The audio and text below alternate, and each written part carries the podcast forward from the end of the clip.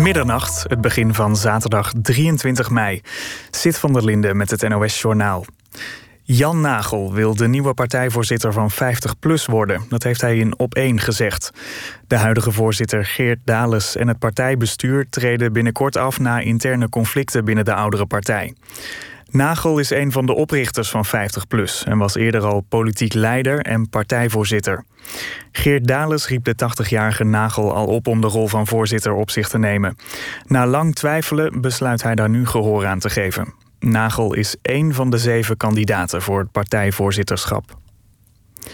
De directeur van de fiscale opsporingsdienst FIOD stapt per direct op, meldt onderzoeksplatform Follow the Money. Directeur Hans van der Vlist schrijft in een interne mail dat de top van het ministerie van Financiën hem wegstuurt.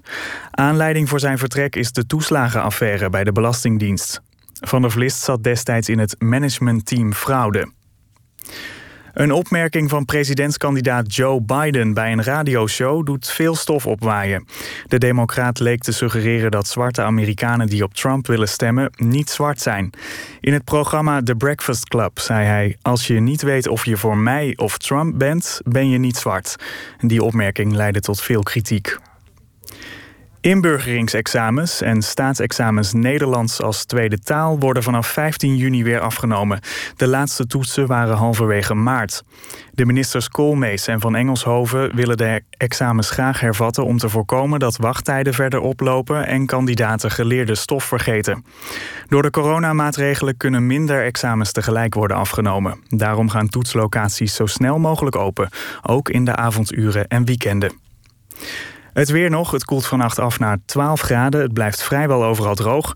Morgen eerst wolkenvelden met in het westen zon. In de middag en avond lokaal een bui. Het wordt 15 tot 19 graden. Dit was het NOS Journaal. NPO Radio 1. VPRO. Nooit meer slapen.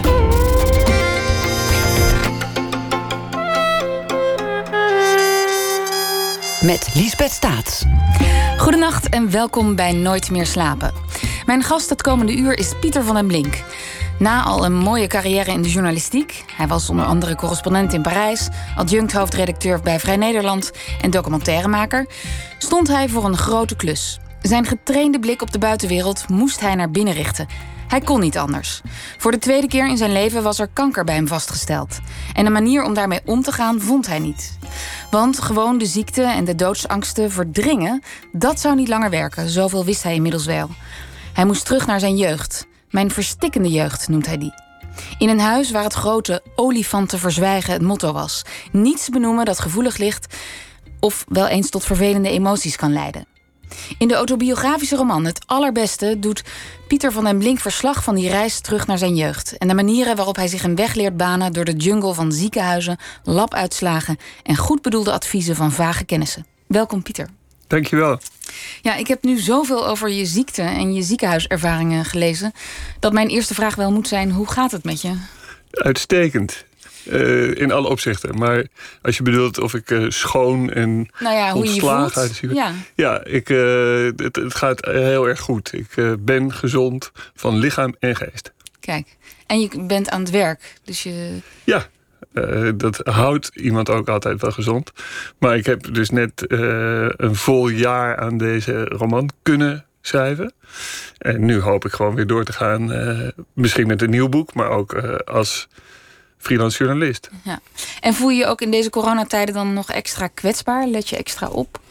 Omdat je dan tot een risicogroep behoort of zo? Nou, ik kreeg wel uh, inderdaad uh, duidelijk te verstaan dat het de bedoeling was dat ik geen corona moest krijgen. Nou, dat moet niemand natuurlijk, maar dat ik inderdaad wat verhoogd risico heb. Maar ik merkte ook dat die angsten uh, zijn een soort communicerende vaten. Dus in pre-coronatijd was ik wel eens bang dat die kanker terug zou komen. En die angst heb ik nou eigenlijk niet meer sinds de focus op corona ligt. En datzelfde merkte ik vroeger ook wel ten opzichte van angst bijvoorbeeld voor uh, terrorisme of uh, klimaatinferno. Hè? Mm -hmm. Dus uh, eigenlijk. Zo'n scenario's. Ja, zo'n zo'n zo'n driehoek van doem. Dus van bang om ziek te worden, bang voor, voor terreur en of narigheid, of angst voor uh, een, een, een klimaatapocalyps. We beginnen de uitzending meteen gezellig, hè? dat is af. Maar ik merk dus dat het nooit alle drie tegelijk uh, maar aanvliegt. Het is altijd één die de andere twee dan weer een beetje opzij drukt. Maar het klimaatinferno, dat is onderdeel van jouw palet aan angsten. Nou ja, dat kun je toch hebben als je het nieuws volgt zoals wij journalisten plegen te doen. En uh, gewoon uh, je gezond verstand gebruikt, dan is dat toch iets om je heel erg zorgen om te maken. Zeker. Maar is het vergelijkbaar met zorgen om je gezondheid? Die wat directer zijn? Nee, het, het is pas vergelijkbaar in het laatste stadium dat het echt een, een, eh, een angstaanval wordt. Waar ik nou eenmaal af en toe last van heb gehad. Ja. Naar de roman. Uh, het allerbeste. Um, ik las al in interviews dat er een moment was dat je vast zat en dat je dacht: ja, ik moet aan dat onderwerp beginnen. En dat onderwerp ligt nu eens niet buiten mij, maar gaat over mezelf. In wat voor periode was dat? Dat was eigenlijk toen het juist allemaal een beetje achter me lag. En uh, de tweede keer dat ik dus helaas uh, kanker had gekregen, ook weer goed was afgelopen. Ik zat nog wel uh, volop in de controles, maar, maar de, het signaal brandmeester was, was, was lang en breed gegeven. Um, mijn vader was ook overleden. Dat uh, speelt in ieders leven een rol. En dat is ook in het boek wel terechtgekomen. Want dat hing erg samen, het overlijden van mijn beide ouders. Met een tussenpoze van drie jaar. Uh, met de manier waarop ik omging met die ziekte. Uh, want ik had om allerlei redenen mijn ziekte niet aan hun bekendgemaakt, zolang mijn moeder nog leefde. De tweede keer dat de tweede keer, ja, De eerste keer was ik gewoon, toen was ik 24. Dat, ja. dat was uh, meteen duidelijk. Maar die tweede keer was ik natuurlijk gewoon ja, een volwassen man met een eigen leven en een eigen gezin ook. En werd mijn moeder ook ziek. Um, vlak voordat ik mijn uh, tweede diagnose kreeg. En toen dacht ik, nou ja, om dat met hun te delen, dat, dat is, de, daar heeft niemand baat bij. Mm. Dus toen heb ik vrij lang met dat geheim rondgelopen. Nou ja, die soep van ingewikkelde omstandigheden, um, die zat nog in mijn hoofd. Hoewel die er feitelijk. Feitelijk was het dus kalm geworden, omdat ze allebei overleden waren. Maar ik, liep, ik merkte dat ik er gewoon erg mee rond bleef lopen. En um, nou ja, als dan op het goede moment iemand zegt: dat moet je eens een keer uh, opschrijven, dan is dat absoluut geen eye-opener. Want ja, ik schrijf al mijn hele leven dingen op. En ik had ook stapels dagboeken liggen waarin uh, dat hele boek al tien keer in terugkwam. Uh, stond, zou ik maar zeggen. Maar dat, dat was wel het goede woord op het goede moment. En toen waren de omstandigheden er ook, waardoor ik kon gaan schrijven. En was het iets waar je je toe moest zetten? Had je er zin in? Leek het je spannend? Ja, het. Uh, ik vond het heel erg spannend in het begin, maar het was. Uh, tot mijn verrassing werd het al heel snel heel erg lekker. Echt, uh, echt verslavend lekker. En kijk, je hebt de, de feiten. En daar moest ik eerst met mijn herinnering naartoe terug. Wat is er allemaal gebeurd? Mm. Dat was niet per se lekker, want een, een hoop feiten waren nou helemaal niet zo vrolijk. Overigens, sommige dingen waren ronduit hilarisch hoor. Het is niet alleen maar uh, kommer en kwel. En ik hoop ook uh, met uh, klem dat dat niet de indruk is die je, die je van, van het boek zou hebben gekregen. Nee, vooral de, de goede bedoel, goed bedoelde adviezen zijn vrij hilarisch, ja. Nou ja, onder andere. Maar ehm, dat teruggaan naar die herinneringen, dat was op zich nog wel een beetje een werkje. Maar zodra ik van die herinnering stukje bij beetje verhaal maakte. En ik dat wel eens voorlas aan iemand. En het, het bleek echt eh, te blijven staan op papier. Toen dacht ik, hé, hey, te gek. Dit, dit is een verhaal. En um, een, een voorbeeld daarvan is dat een nachtmerrie speelt een, een, grote rol in het boek. Die, die mij... Terroriseerde eigenlijk. Ja, tot de, echt tot de rand van de waanzin heeft gebracht. En daar heb ik echt last van gehad. Dan ben ik voor in therapie geweest en eh, Mhm. noem maar op. Toen ik dat op papier had weten te krijgen, ging ik dat in een moment van overmoed voorlezen aan mijn twee beste vrienden. En die, die werden helemaal. Die, die, die smeekten me bijna om op te houden. Niet om, gewoon omdat ze het onverdraaglijk vonden. Het, het, het, het beeld wat ik hun voor ogen bracht, dat, eh, dat kwam te hard binnen. Met andere woorden, missie geslaagd. Met andere woorden, missie geslaagd. Ik dacht, hé, hey, dit is echt gek. Zeg. Als ik eh, dan weliswaar op basis van iets wat ik liever niet had meegemaakt, maar als ik daar dan nu dan tenminste een verhaal van kan maken wat werkt als een, eh, als een vlammenwerper, ja, dat is leuk. Dat is leuk. Ja. En wordt het dan ook zoals je een journalistiek project eh, begint? Dit is het verhaal. Ik zie al een beetje de contouren van dat verhaal. En ik zie daar, dat punt wil ik sowieso maken en daar wil ik uitkomen. Nou, dan veronderstel je dat ik mijn journalistieke werk op die manier heb aangepakt. En ik moet bekennen dat dat wishful thinking is. Want ik ehm, heb eigenlijk nooit met schema's of structuren eh, gewerkt. Ik ben altijd heel erg op zoek naar een eerste zin. Voor zover het over geschreven verhalen gaat. En als ik die eenmaal heb, dan komt het altijd wel goed. Ehm, meestal schrijf ik wat te veel en dan hak ik eruit eh wat nodig is totdat, Mm. totdat het past. Maar ik ben het tegenovergestelde van iemand eh, met een planmatige aanpak. Ja. Ehm, we moeten het hebben over je jeugd, die een hele grote rol speelt in dit boek. Ergens heb je ges- geschreven: Niemand kan voorbereid worden op de diagnose kanker, maar mijn jeugd was zelfs een tegenwerking. Ehm, eerst, wat was het voor gezin waar jij in opgroeide? Want dat is belangrijk om te weten. Ja, ehm, maar die, die vraag kun je natuurlijk op zoveel manieren beginnen te beantwoorden. Dan heb ik een leuk Eh. begin. Namelijk, een mooie zin in het boek is... de buurt waarin ik opgroeide, daar leek het alsof het altijd 4 mei was. Ja.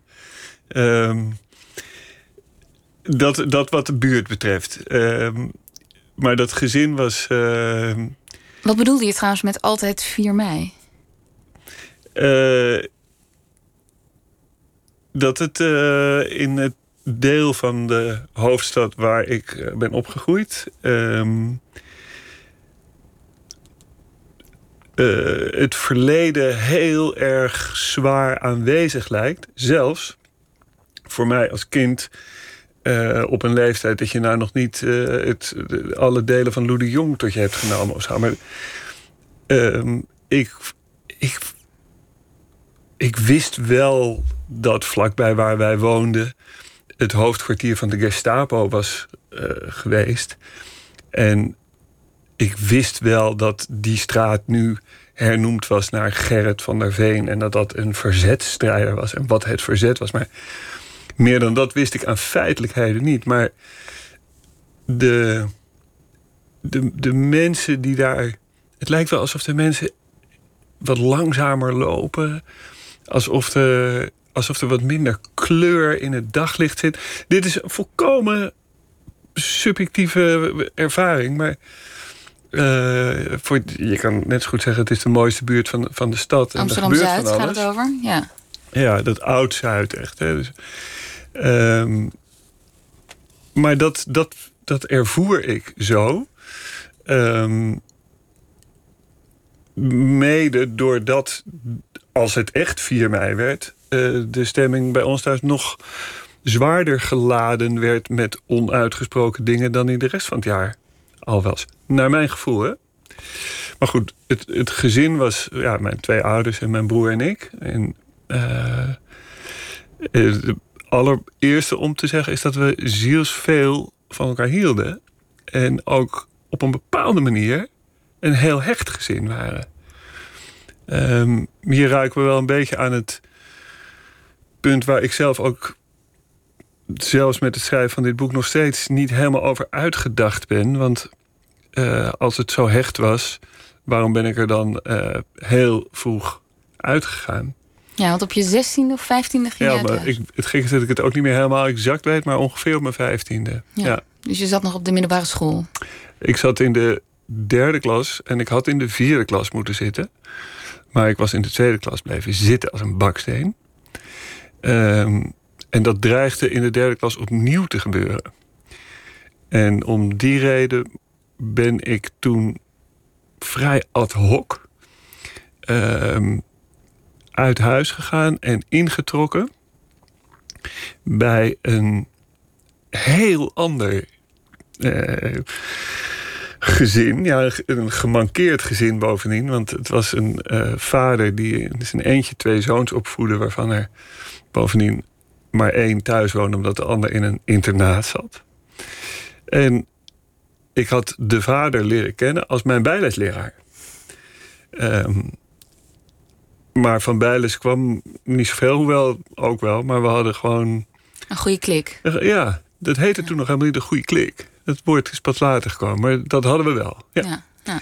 En uh, dan kunnen dingen snel gaan. En een paar maanden nadat ik enigszins uh, bescheten daar voor het eerst die trap op was geklauterd en me had voorgesteld.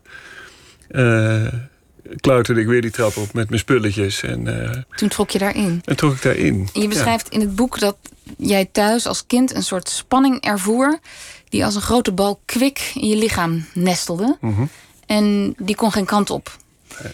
En dat is een heel erg uh, dominant beeld dat bij jouw jeugd hoort. Mm -hmm. En je zegt ook, ja, wij praten wel heel veel over dingen. Want mijn ouders uh, waren heel erg eloquent. Mijn vader was een gerenommeerde advocaat. Dus er werd heel spitsvondig over de tafel heen en weer uh, gekaatst.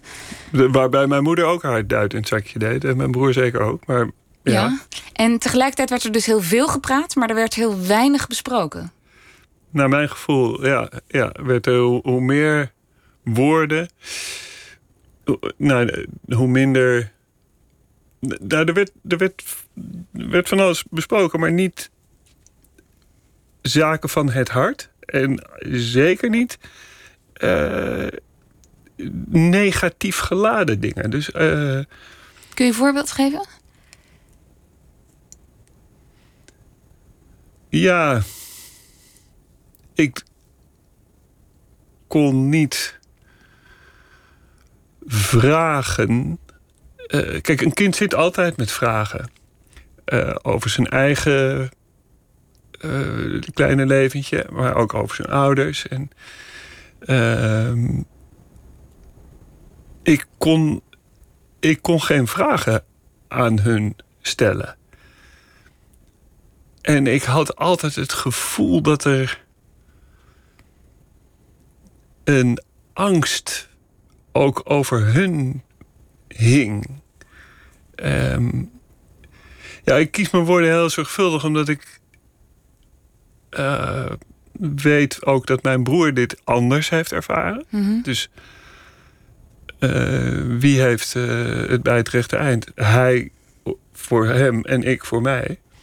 Maar dat maakt het toch wel extra belangrijk om het, om het goed te zeggen. Een voorbeeld is misschien toch niet zo makkelijk als het lijkt. Hè? Nee, maar je, ik probeer me voor te stellen. Um, je schrijft dat, dat nou, dingen van zaken van het hart, die kwamen niet op tafel. En als het slecht met iemand ging, dan werd dat ook niet besproken. Maar moet ik dat dan voor me zien als weglachen of er overheen praten? Er overheen praten, ja. Nee, weglachen zou. Uh, harteloos lijken. En dat, mm. dat mhm. waren ze zeker niet. Maar um, er overheen praten. Er, er, er niet uh, de aandacht op richten. Er schiet me een voorbeeld te binnen, maar dat is niet uit mijn eigen jeugd, maar wel over iets wat me erg gefrappeerd heeft. Um, veel later, toen uh, mijn vader al in de tachtig was, en we eens een keer ergens waren waar we ook een oude vriend van hem ontmoetten. Van wie ik wist hoe lang ze samen teruggingen. Maar die vriend die had Parkinson gekregen. En uh, als symptoom van dat Parkinson kwijlde die man ontzaglijk. Mm. Maar dat was ook eigenlijk zo'n, ja, eigenlijk net als mijn vader, gewoon zo'n forse powerhouse van een, van een jurist geweest altijd. En die stond te babbelen en die kwijlde als een malle. En die haalde een zakdoek uit zijn zak en die zei... ja, dat is die, dat is die Parkinson. En die veegde zijn gezicht af. En propte die zakdoek weer weg. En ik vond dat eigenlijk geweldig. Gewoon, ik bedoel, als je dan zo'n nare ziekte hebt, dan is dat de manier om daarmee om te gaan. Mhm. En mijn vader vond dat. Die zei, nee, maar dan moet je toch uh, je niet meer in het openbaar vertonen. Aha. En dat vond, ik, dat vond ik verbluffend. Ik dacht, hoe kan je het zeggen? Het is bovendien niet mijn vriend, maar jouw vriend. En, uh, maar dat is misschien een voorbeeld. Um, al is het niet uit mijn jeugd, maar uit het, uit het wat recentere verleden. Van hoe zij uh, naar mijn idee liever wegkeken dan adresseerden. Als je het zo vertelt, dan klinkt dat bijna als het clichébeeld van een hele correcte Engelsman. Die als iemand op straat valt, liever niet iemand omhoog helpt. Want dat is zo gênant voor degene die gevallen is. Want die moet dan erkennen dat hij gevallen is. Uh, die vergelijking kende ik niet, maar daar, daar kan ik me geheel in vinden. Zeker, dat het ook het gevoel is... Decorumverlies. Decor, ja, decorumverlies. Ja. Wat ook een term is die in het boek voorkomt als het over mijn moeder gaat. Ja. En uh, kon jij zeggen als kind... Uh, ik baal van alles, het gaat slecht met me. Wat moet ik doen? Nee. Dat, kijk, daar geef je natuurlijk als kind allemaal signalen van. En toen die signalen op een gegeven moment... Uh, niet meer uh, te ontkennen waren, werd ik ook prompt naar een therapeut gestuurd. Want het was niet dat mijn ouders zich niet om mij bekommerden. Uh, die hielden zielsveel van ons, mm -hmm. wat ik al eerder zei. Maar ehm, dat was hun reflex. Terwijl. Ja, het, is, lijkt het alsof ik ze iets verwijt. En dat doe ik namelijk helemaal niet. Want. ehm, nou ik weet voldoende dat het uh, uit hun goede hart kwam. Maar als ze op dat moment met mij een strandwandeling zouden zijn gaan maken... of uh, eens even enorm zouden zijn gaan knuffelen... dan was het misschien opgelost. Ja. Maar was dat niet ook de tijd, de tijdgeest?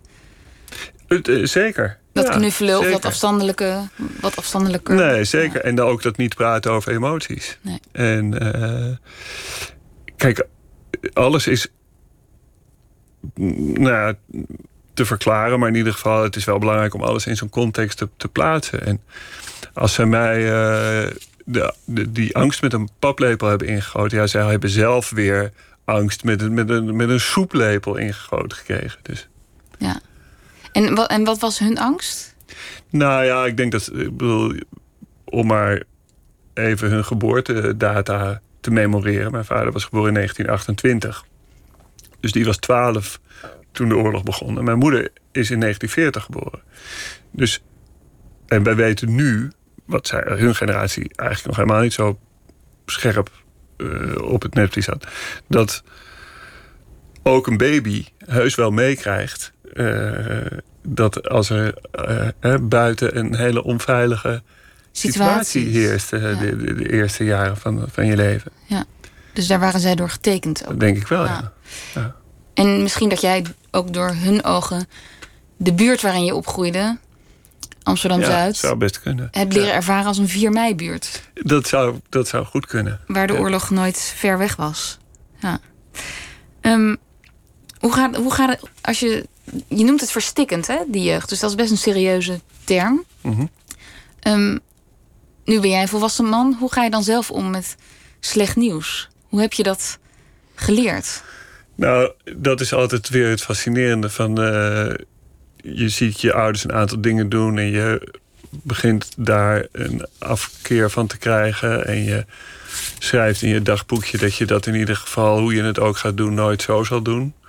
En vervolgens uh, kachel je met verven in uh, dezelfde sloot. Dus ik heb het, uh, het, het, verdringen tot levenskunst gemaakt, ver, verheven. zeker de eerste keer dat ik ziek werd. Toen was je 24? Toen was ik 24.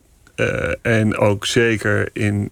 want het klinkt zo van de eerste keer en de tweede keer, maar het vervelende is juist dat het daartussendoor zit een, een, een, heel leven. Een, leven. Ja. En, uh, het is wel altijd bij me. letterlijk omdat ik naar die klote ziekenhuizen moet om gecontroleerd te worden. Of omdat er af en toe weer eens wat ging, ging haperen. Maar veel meer nog omdat het gewoon in mijn kop niet duidelijk was. Hè, wat, wat, wat, wat, wat is er godverdomme gebeurd?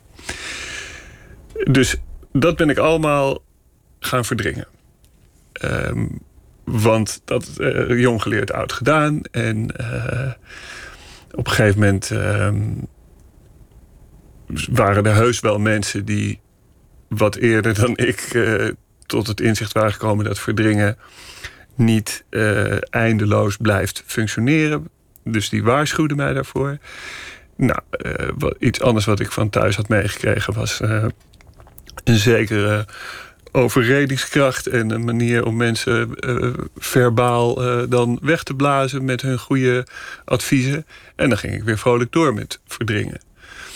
En uh, van verdringen naar verdrinken is ook maar een kleine stap. Dus dat mm-hmm. kan dan ook altijd nog even gebeuren. Nou ja, totdat de bal het schip heeft gekeerd. Ja. En ik gewoon dacht, ja, ik moet het nu maar eens een keertje onder ogen zien allemaal. Ik, uh, je bent journalist. En dan denk ik altijd, nou ja, als journalist, dat is namelijk ook heel leuk aan het vak, ontmoet je duizend mensen. En bouw je ook een zekere mate van mensenkennis op. En hier en daar neem je ook nog een verhelderend inzicht eh, mee. Soms kan dat ook een spiegel zijn. En zie je bij iemand die je interviewt of je ziet een, een samenleving of een gezin, waardoor, je, waardoor dat de wal kan zijn die het schip keert.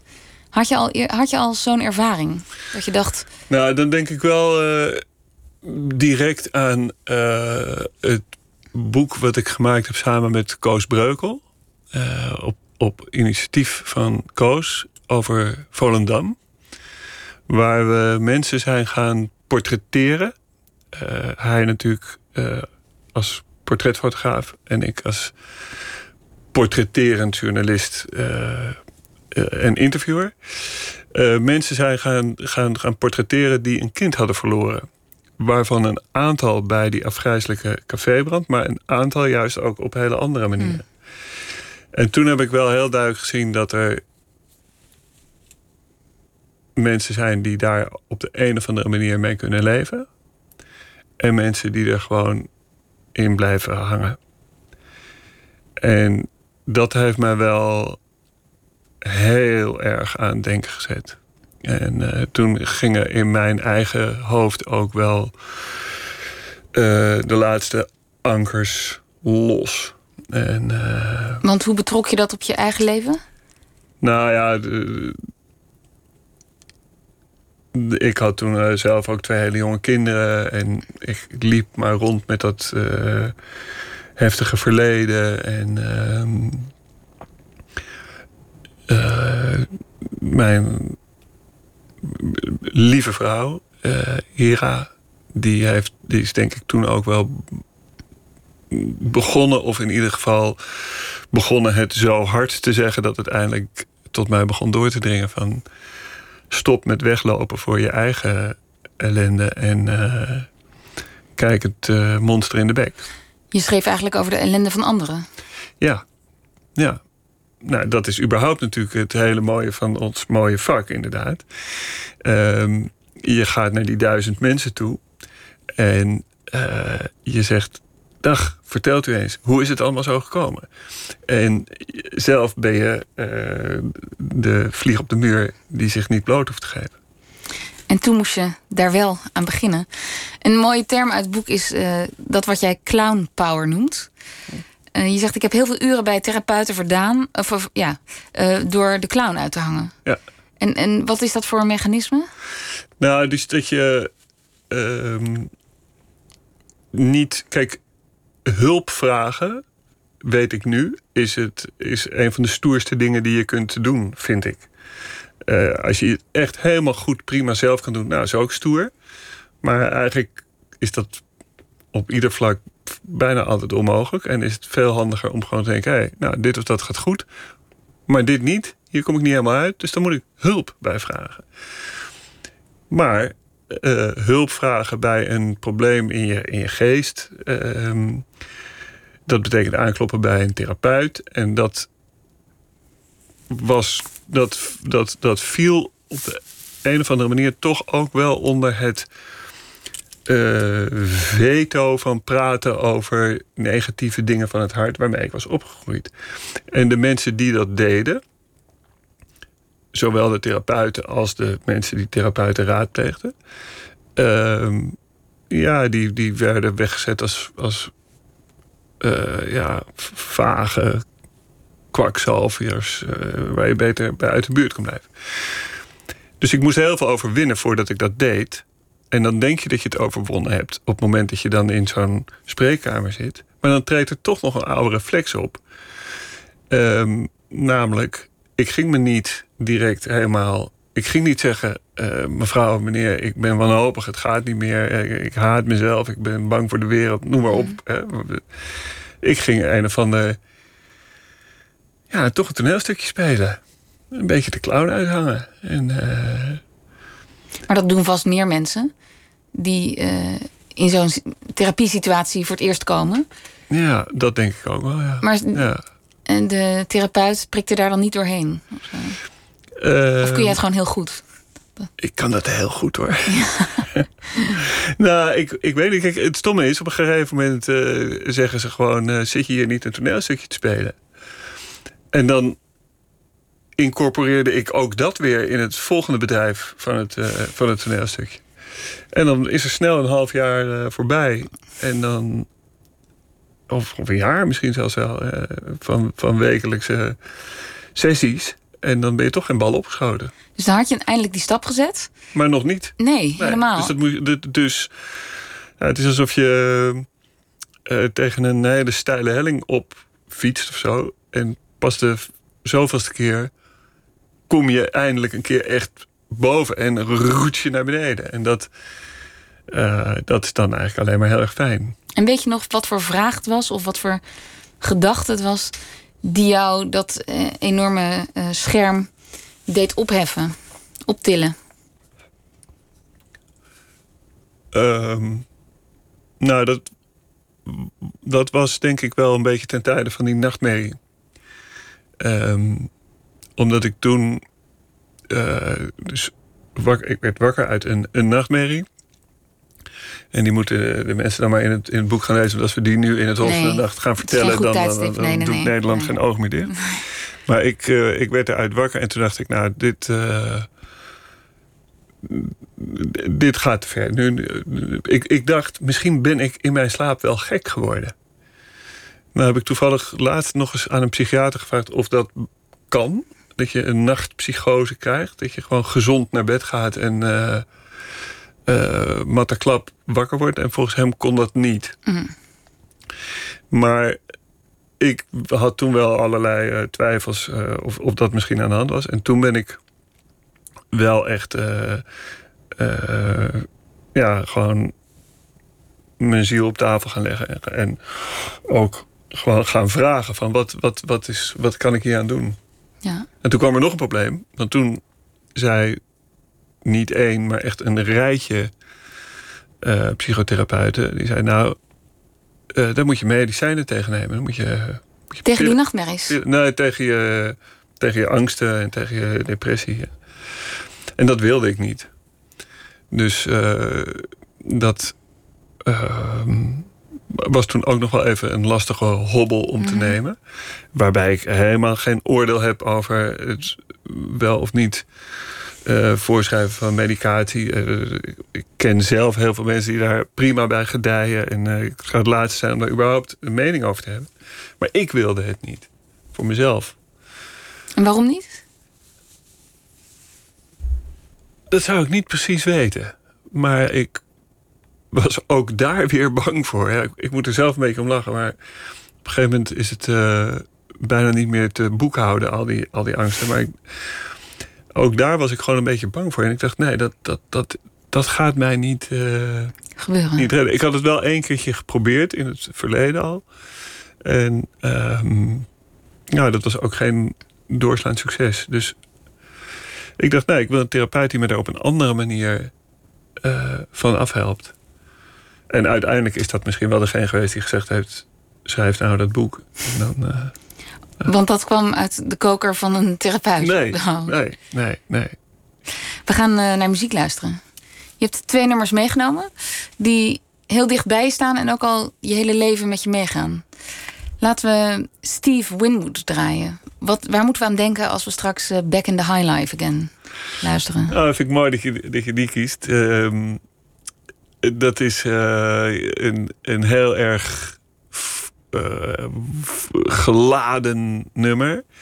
Ehm, over een periode die is eh, afgelopen en een, een terugkeer, hè, back in de, in, de, in de high life. En de, de high life, daar, daar vloeit de champagne en daar zien de mensen er mooi uit. En daar eh, dans en drink je met één hand vrij. En dat is een, eh, ja, dat is eh, een nummer wat ik vaak draai als ik weer een periode achter de rug heb waarvan het fijn is dat die is afgelopen en dat ik weer voel, want dat wil ik toch ook wel graag even zeggen, dat het leven heel erg mooi en vol met roosgeur en maneschijn kan zijn. En daar gaat eh, Steve Winwood over zingen. Back in the High Life Again.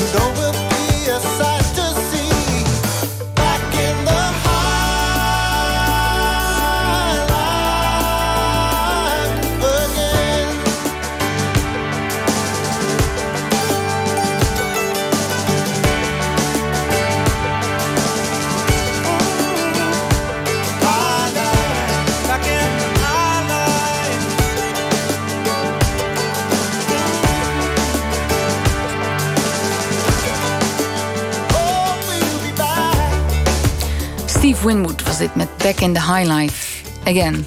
En ik praat verder met Pieter van der Blink over zijn roman Het Allerbeste, een autobiografische roman. Over jouw ziekte, de, de manier waarop je daar mee om wilde gaan. En dat lukte eerst niet. En dat eh, leidt dan eigenlijk via een reis terug naar je jeugd. Ja. Nou, dan vat ik het even heel erg kort door de bocht samen. Ja, Ja, laat je, laat je eh, hele stukken ook weg. Maar dat is prima. maar dan de luisteraar die nu inschakelt... kan het dan een Wie beetje weet, bijbenen. tuurlijk. Ja. Ehm, ik vroeg me nog af, je vertelde net over het gezin waar je uitkomt. En eh, je zei in een bijzin... ja, mijn broer heeft een hele andere herinnering daaraan. Een andere ervaring. Ehm, is dat omdat jullie hele andere karakters hebben... of heeft hij een andere manier van opvoeden gekregen?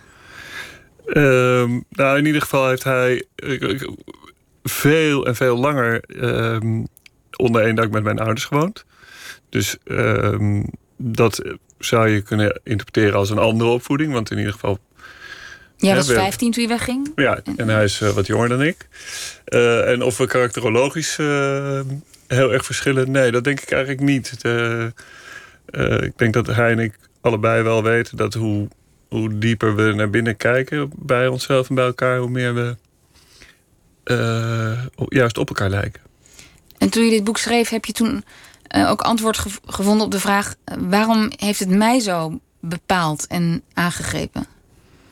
Waarom heb ik er zo'n last van? Ehm, nee, daar heb ik geen antwoord op gevonden. Nee, ik heb er eh, een beschrijving van gegeven. En daardoor heb ik er een vrede mee gevonden. En een.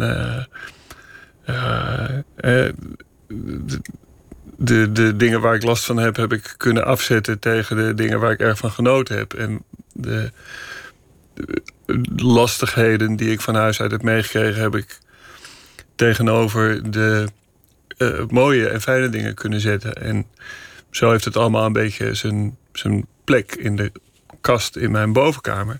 Maar dat is nog niet echt een, een antwoord. Maar misschien zou ik niet eens een antwoord willen. Nee. Had je eigenlijk dit gesprek met je ouders willen hebben? Had je ze willen vertellen hoezeer eh, jullie gezamenlijke huishouden, het, het gezinsleven, eh, jou in de weg heeft gezeten? Ehm, Ze zijn alle twee overleden. Ja, nee, dat, nee. Eh, ik heb veel gesprekken met ze gehad en ik heb zeker geprobeerd en tot op zekere hoogte succesvol geprobeerd om dat duidelijk te maken. Ehm, toen het allemaal eh, achter ons lag. Ehm, nee, ik denk dat het dat er. Het is nooit perfect. Ehm, en het is altijd onvoltooid als iemand ineens, of niet ineens, maar eh, als iemand er niet meer is. Maar nee, dat was toen en dit is nu. En, eh, en heeft je broer het boek al gelezen? Jazeker, ja. Ja. Die, eh, ook, ook wel voordat het naar de drukker ging. Want eh, kijk, je kan wel zeggen alles voor de kunst en dit is mijn boek en daar ga ik eh, dwars voor liggen en dat wil ik ook tot op hele grote hoogte doen. Maar er zijn mensen die met mij te maken hebben en met wie ik te maken heb in gewoon het, het buitenboekleven. En, eh, ja, Die gaan voor. ja, die moeten wel even geconsulteerd worden. Ja. Maar dat is allemaal prima gegaan. En wat, wat zei hij over het boek? Ehm, hij eh, had een paar eh, goede opmerkingen die eh, mij weer aan het denken hebben gezet. En die eh, eigenlijk niet tot veranderingen in, het boek, veranderingen in het boek hebben geleid. Behalve op één punt waar hij eh, vroeg of ik een, een paar formuleringen meer naar mijzelf toe wilde trekken. En dus niet wil zeggen, eh, mijn ouders konden niet lekker koken. Maar dat ik zei, ik vond het eten wat mijn ouders eh, kookten niet lekker. Nee, nee. Hoe, Nou, hoe, belangrijk verschil. ja. hoe heb je dat geheugen van, van je, eh, moest aan het werk voor dit boek? Hoe ben je te werk gegaan? Je was een dagboekschrijver, Ja, maar die vroege jeugdherinneringen, hoe reconstrueer je die of hoe verken je die? nou, dat, gek genoeg ik, ik begon vanuit de gedachte... ik herinner me helemaal niets van, eh, van die eerste 15 jaar. Voordat ik het huis uit ging. Ik dacht, ik herinner me helemaal niks.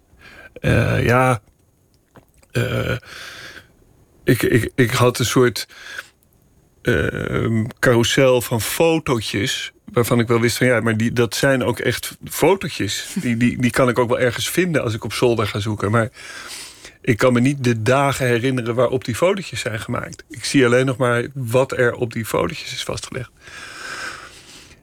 Maar wat ik gaandeweg ontdekte was dat dat, dat, dat misschien een vorm van gemakzucht was geweest. Want als je echt gewoon dag in dag uit met je gedachten teruggaat. En desnoods maar naar dat fotootje blijft staren tot, tot, totdat je er een gat in brandt met je ogen. Dan komt er wel toch nog het een en ander mee. Uh, en zeker niet volledig. En er, er zitten juist op het punt van de interactie met mijn ouders echt rare, grote gaten. Maar um, om, om je vraag te beantwoorden, ja, door, door gewoon uh, zo hard mogelijk te piekeren. En uh, door ook mezelf toe te staan van hé, het is een roman die je aan het schrijven bent. Dus je mag ook gewoon uh, doorschrijven op het punt dat je, dat je het niet meer helemaal exact zeker weet. En dat, want dat vroeg dat was mijn volgende vraag. Het is super autobiografisch. Ja. En toch staat er heel duidelijk roman ja. op de cover. En, en waarom heb je daarvoor gekozen? Nou, om, om, om die reden. Omdat ik uh, dacht, kijk, als ik uh, een, een meer non-fictie genre kies... Mm. Um, dan, dan durf ik het misschien niet. Want dan, uh, dan, is, het, dan is het echt zo procesverbaal. En dan uh, voel ik me minder vrij. En, en, en nu. Uh, ik wilde heel erg graag bij de feiten blijven. En de feiten zijn uh, grillig genoeg. Dus waarom zou ik ervan afwijken? Maar dat, het, dat het mocht, dat gaf me de mogelijkheid om het niet te doen. Ja, dat snap ik. Ik zat even op een papiertje tekenen, maar dat is dan op de radio weer lastig. Maar ik wist, ik, ik, ik ging schrijven en dan dan zei ik van ja, maar als het, als het gaat knellen, dan kun je altijd uh, uh, een, uh, een, een tierenlantijn eraan draaien. En nou ja, een soort escape was dat, die ja, niet hoefde in te zetten. De belofte dat er een soort escape was. Ja, een soort, een soort joker die je kon inzetten. Ja, en ik heb hem niet hoeven inzetten. Maar, en toch heb je wel roman erop gezet. Ja, en toen was, want die, die vraag kwam ook nog bij de uitgeverij aan de orde toen het manuscript af was. Toen zei uh, Job Lisman van uh, Prometheus van ja, uh, weet je zeker dat het echt een roman moet zijn? Want je bent toch bij die feiten gebleven. Maar toen dacht ik ja, als we dat nu eraf halen, dan vind ik het verraad tegenover die tekst. Want die tekst heb ik geschreven onder de vlag. Onder de vlag Roman. Je, je wordt een roman. Ja. Uh, ja, dus dat, dat, dat, vond ik. Dat klinkt misschien uh, hoogdravend of zo, maar dat vond ik verraad tegenover mijn eigen boek.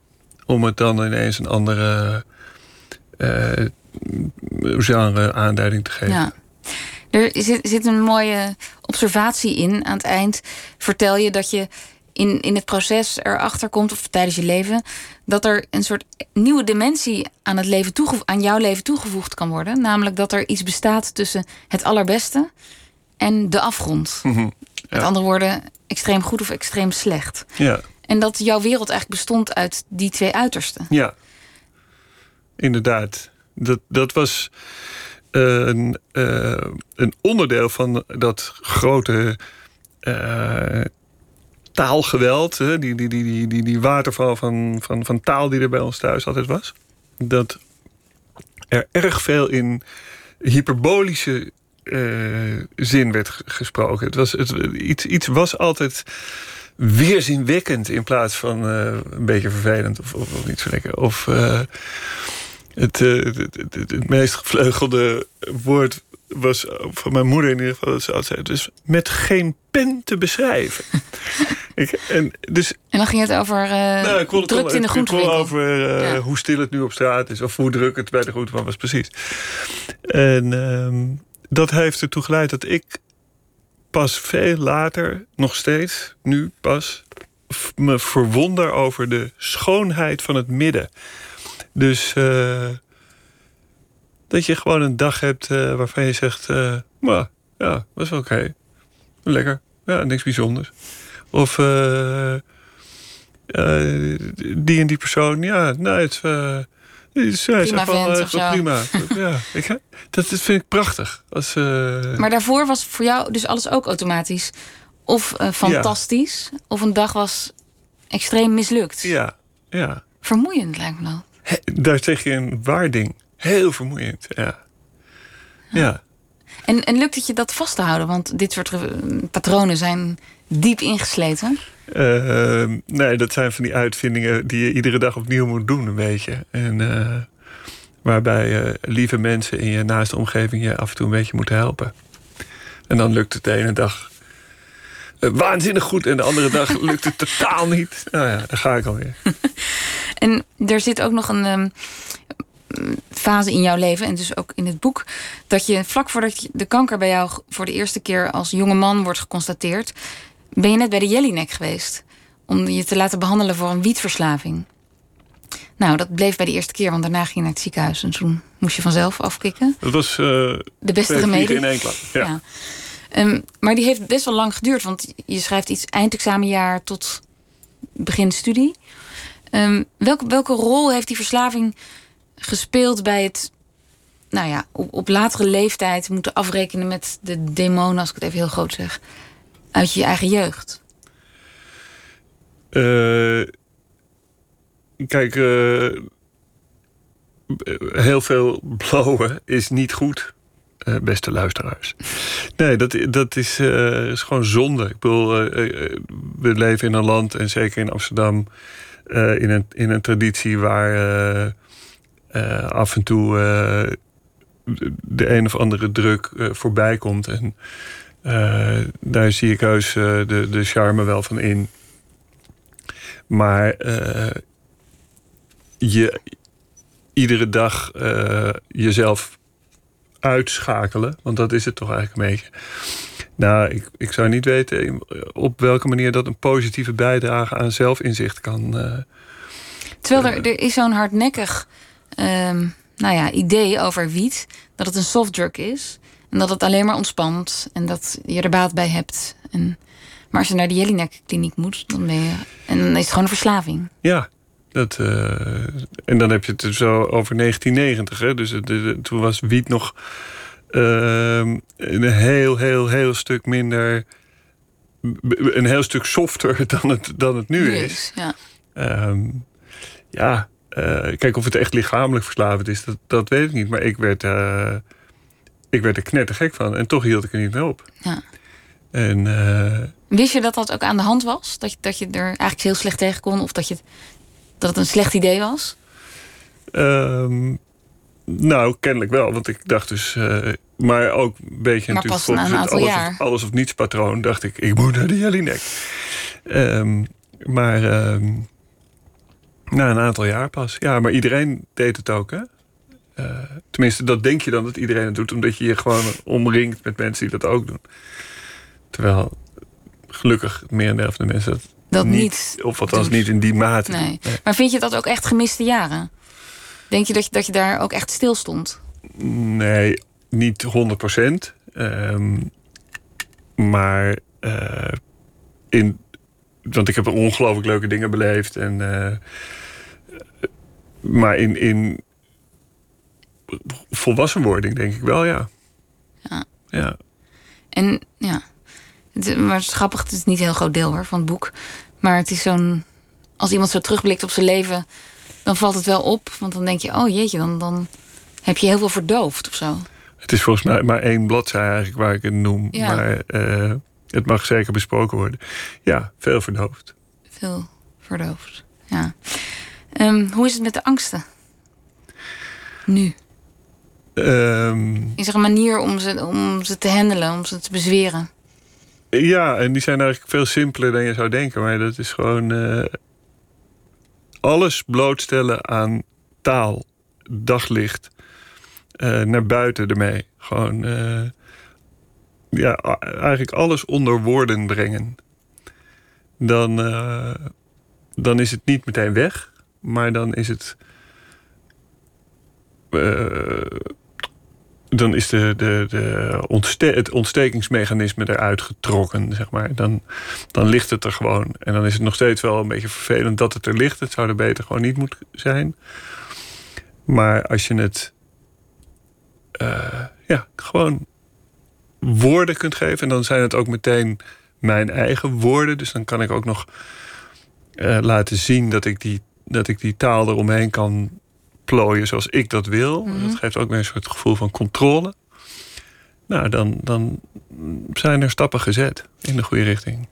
Het is wel mooi dat de, je ouders, die zo duidelijk de gave van het woord hadden, precies dat niet doorgegeven hadden om taal te geven Nee. aan die moeilijke emoties of moeilijke dingen van het leven. En nu schrijf jij daar een, eh, precies met die woorden een boek over. Ja, Ja. Dat, eh, Moet een enorme trots gevoel geven ook. nou, daar wordt aan gewerkt en dat tot gevoel. Eh, Hoe is dat nu? Ehm, nou, het geeft me een, eh, een, een, een blij gevoel wel. Dat het, dat het, dat het gelukt is. Ja. Ja. Althans, gelukt. Dat het me gelukt om het goed af te maken. En dat daar nu een, een boek ligt. wat je gewoon kunt vasthouden. En kunt... Ja, De wurggreep waar je in over spreekt, eh, las ik tussen omgaan met die diagnose kanker en dan de geschiedenis en de erfenis van jouw jeugd. Is die wurggreep minder? Voelt die minder heftig dan toen je begon? ik, ik voel nu eh, geen, geen wurggreep meer. Van, eh, Van wie dan ook? nee, Nou, het ik- klimaat, dat is nog niet Nee, eh, nee, nee, is precies, maar ik voel, ik, ik voel me niet meer eh, gebukt onder dat verleden of zo. Wat mooi. Ja, ja, nou ja, dit is. eh, ja, en de, je, je hebt het veel over de- inderdaad mijn jeugd bij mijn ouders en zo, maar er is natuurlijk nog een heel stuk verleden ook. eh, In de liefde. waar ik ook eh, nou, best wel mee heb lopen stoeien, om het in populair eh, therapeutische term te zeggen. En eh, nou ja, ook daar ben ik wel eh, op een fijne manier weer doorheen.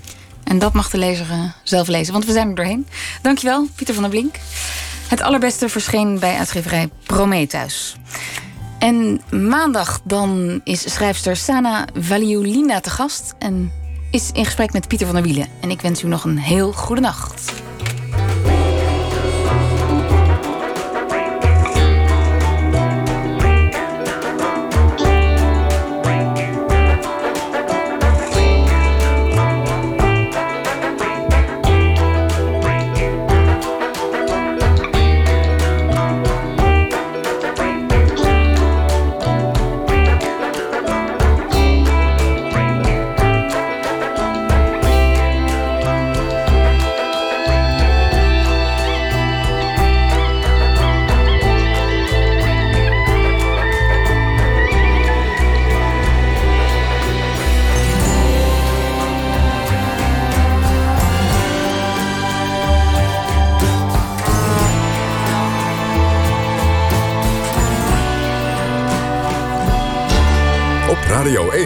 Het nieuws van alle kanten.